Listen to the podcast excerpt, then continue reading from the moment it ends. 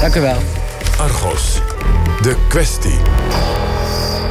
En die kwestie gaat over de informatiebubbel op Facebook. Want je hoort het steeds vaker. Mensen halen hun informatie niet meer uit de krant of van het televisiejournaal, maar van internet. Bijvoorbeeld van Facebook. Hoe onafhankelijk is dan de vraag, is de Facebook-tijdlijn? Wat gebeurt er als je terechtkomt in een zogeheten filterbubbel? Nou, in Amerika in de verkiezingscampagne is dat dan een heel onderwerp geworden. Van heeft Facebook Republikeinen en Democraten niet verder uit elkaar gedreven? En Misschien gaat het ook wel een rol spelen in de Tweede Kamerverkiezingen hier in Nederland volgend jaar. Aan tafel Damian Trilling, universitair docent politieke communicatie en journalistiek aan de Universiteit van Amsterdam. Welkom. Goedemiddag. En in de studio in Amsterdam Daphne van der Kroft van belangenorganisatie Bits of Freedom. Mevrouw van der Kroft, wat is een filterbubbel? Probeer dat eens begrijpelijk aan me uit te leggen. Nou, u kunt het zich zo voorstellen uh, als u uh, vrienden heeft op Facebook en die hebben bepaalde interesses. Laten we zeggen, zij lezen graag bepaalde kranten. Dan heeft dat invloed op wat u te zien krijgt. Dus als um, uw vrienden de, de Volkskrant allemaal lezen, dan is de kans groter dat u artikelen uit de Volkskrant in uw timeline op uw Facebookpagina dus te zien zal krijgen. En mensen die de Telegraaf lezen, krijgen via Facebook weer meer Telegraafartikelen toegeschoven. Ja, exact. En dus dat is wat er bedoeld wordt met die filterbubbel. We komen op het internet. Ik gebruikte nu Facebook als voorbeeld, maar dat, het geldt breder, dit uh, fenomeen. We komen steeds meer in onze eigen bubbels terecht, waarmee we geconfronteerd worden met nieuws wat al in ons straatje past. En waarbij we steeds minder nieuws zien uh, of informatie zien. Uh, ja, waar, we natuurlijk niet mee in contact komen. En dat versterkt dus onze eigen meningen. Mhm. En hoe doen ze dat? Technisch? Ik bedoel, hoe weten ze dat ik het liefst iets uit de Telegraaf lees? Ja, dus um, daar worden algoritmen voor gebruikt dat kunnen we zien als een soort rekensommen. Um, dus op het moment dat u zelf de Telegraaf heeft geliked, leuk vindt... dan, uh, dan laten we zeggen, dan krijgen de berichten van de Telegraaf een aantal punten erbij. Uh, als dan ook nog eens blijkt dat uw vrienden allemaal de Telegraaf leuk vinden, dan krijgt het nog meer extra punten erbij.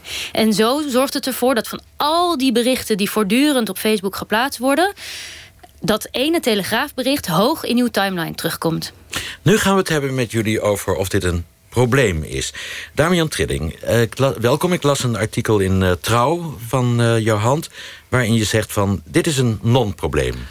Nou ja, kijk, het, um, het probleem bestaat wel degelijk. Dus het effect bestaat. Het is inderdaad zo dat je um, op Facebook vaak gewoon met dingen geconfronteerd wordt... die gewoon aansluiten bij wat je eerder dacht, wat je eerder deed. En, um, ja. um, maar het, het, punt is wel dat um, de bubbel minder afgesloten is dan het soms lijkt. Omdat mensen natuurlijk niet alleen maar Facebook gebruiken voor um, hun informatievoorziening. Nou, ik ken een heleboel jongeren die alleen Facebook gebruiken voor hun informatievoorziening. En in elk geval niet de Volkskrant lezen en niet naar het NOS Journaal kijken. Dat klopt, maar ze zullen wel af en toe nog naar nu.nl-app kijken of um, dit soort Hoogstens. dingen. Ja, maar goed, maar uh, dat betekent wel dat het Facebook-algoritme niet alles bepaalt. En daarnaast is het dus ook zo dat um, ook zo'n algoritme een bepaalde mate van diversiteit nog erin heeft.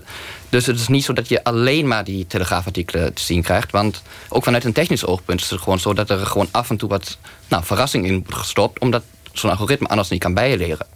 Dus um, als er nooit iets wat niet 100% bij je interesses aansluit wordt geplaatst... nou, dan kan het algoritme niet ervan bijleren dat je er misschien toch wel af en toe op klikt. Dus mijn collega gebruikte daar onlangs een uh, mooi voorbeeld van...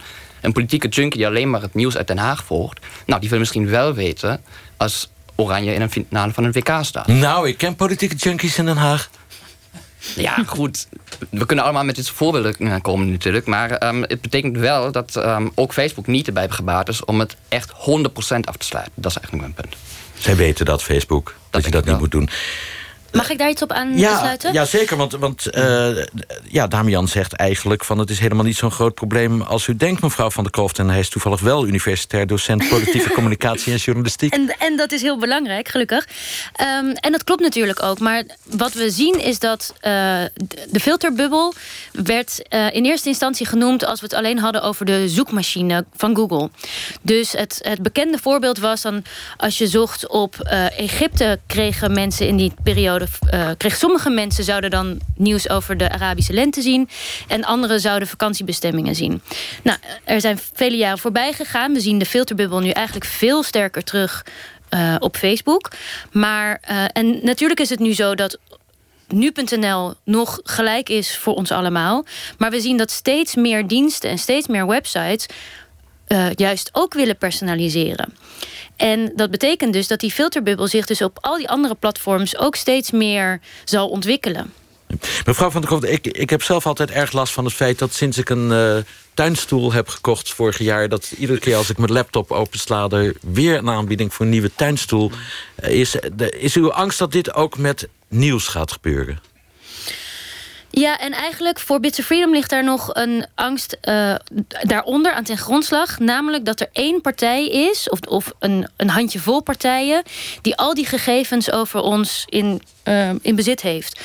Dus um, Facebook weet straks niet alleen van die tuinstoel en van onze leesvoorkeuren, maar weet nu ook al bijvoorbeeld um, uh, over of we bepaalde medische aandoeningen hebben, uh, over ons inkomensniveau, over onze uh, misschien wel religieuze interesses, et cetera, et cetera. Dus dat toont zich aan ons door advertenties die we zien. En dat kunnen we soms vervelend vinden of soms heel handig vinden. Maar wat daar aan ten grondslag ligt, is dat er datamonopolies ontstaan die zo groot zijn dat we dat het steeds moeilijker wordt om ons daarvan los te trekken en om daar nou ja, uh, controle op uit te oefenen. Damian Trilling, uh, u zult zonder twijfel, u zult zonder twijfel gelijk hebben dat op dit moment nog niet iedereen helemaal afgaat op Facebook en ook NuNL. Maar wat Daphne van der Krof zegt is, ja, in de toekomst zal ook NuNL steeds eenzijdiger worden. Ze gaan allemaal zo'n informatiebubbel veroorzaken. Dus um, we weten dat um, nagenoeg alle um, uitgeverijen, alle mediabedrijven ermee bezig zijn dit soort dingen te testen, te ontwikkelen. maar ik ken eigenlijk geen enkele aanbieder die zegt van we gaan onze hele site personaliseren. Dus ook als je dan misschien over tien jaar vijf jaar naar nu gaat, of de Volkskrant of wat dan ook. Nou, dan krijg je misschien een deel van de informatie die gepersonaliseerd is. Maar ze zullen wel ook um, nou, een soort van voorpagina blijven houden. We hebben jullie uitgenodigd voor deze discussie ook omdat in Amerika op dit moment het een enorm thema is. Uh, de, de, rol van sociale media. Dan gaat het toch wel vooral om Facebook in Amerika. Uh, in, de, in de presidentscampagne. Uh, beide politieke partijen, de Democraten en de Republikeinen, zijn heel ver in wat micro-targeting wordt genoemd in Amerika. Van de kiezer heel erg persoonlijk benaderen. En de angst van kranten als de New York Times is. Uh, het land drijft daardoor uit elkaar. Republikeinen en Democraten drijven daardoor uh, uit elkaar... omdat ze allebei heel eenzijdig informatie via die Facebook-tijdlijn uh, krijgen. Is dat een reëel probleem, denkt u, meneer Trilling?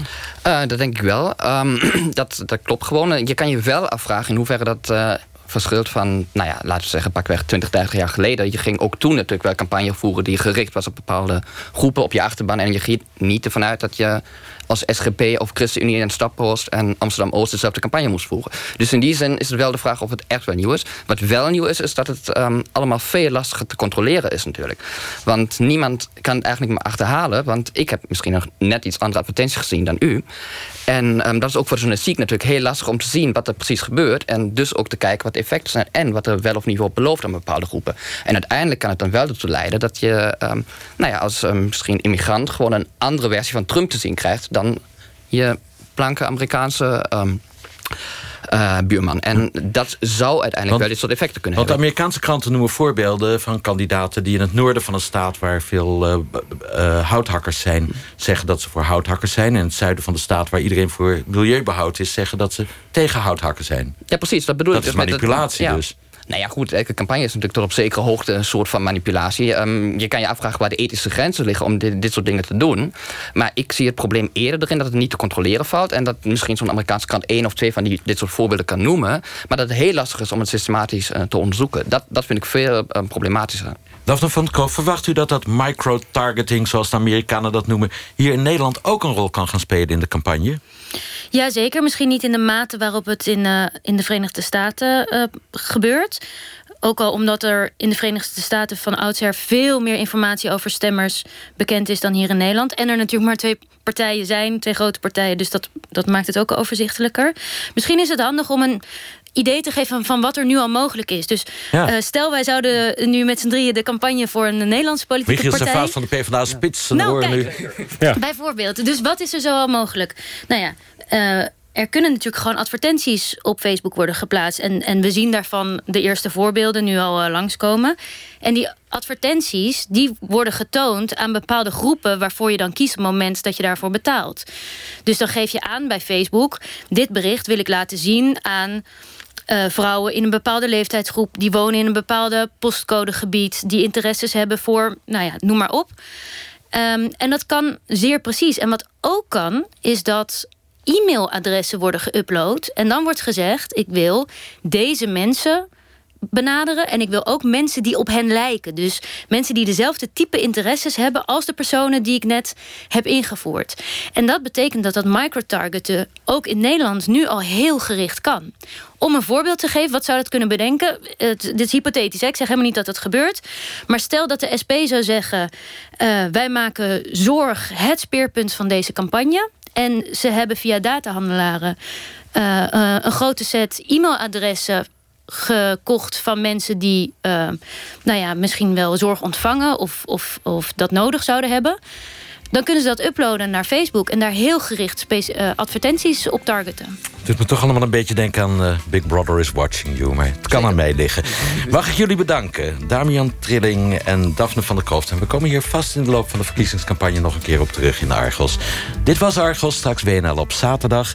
En Hans Wiegel zie ik hier. Ja,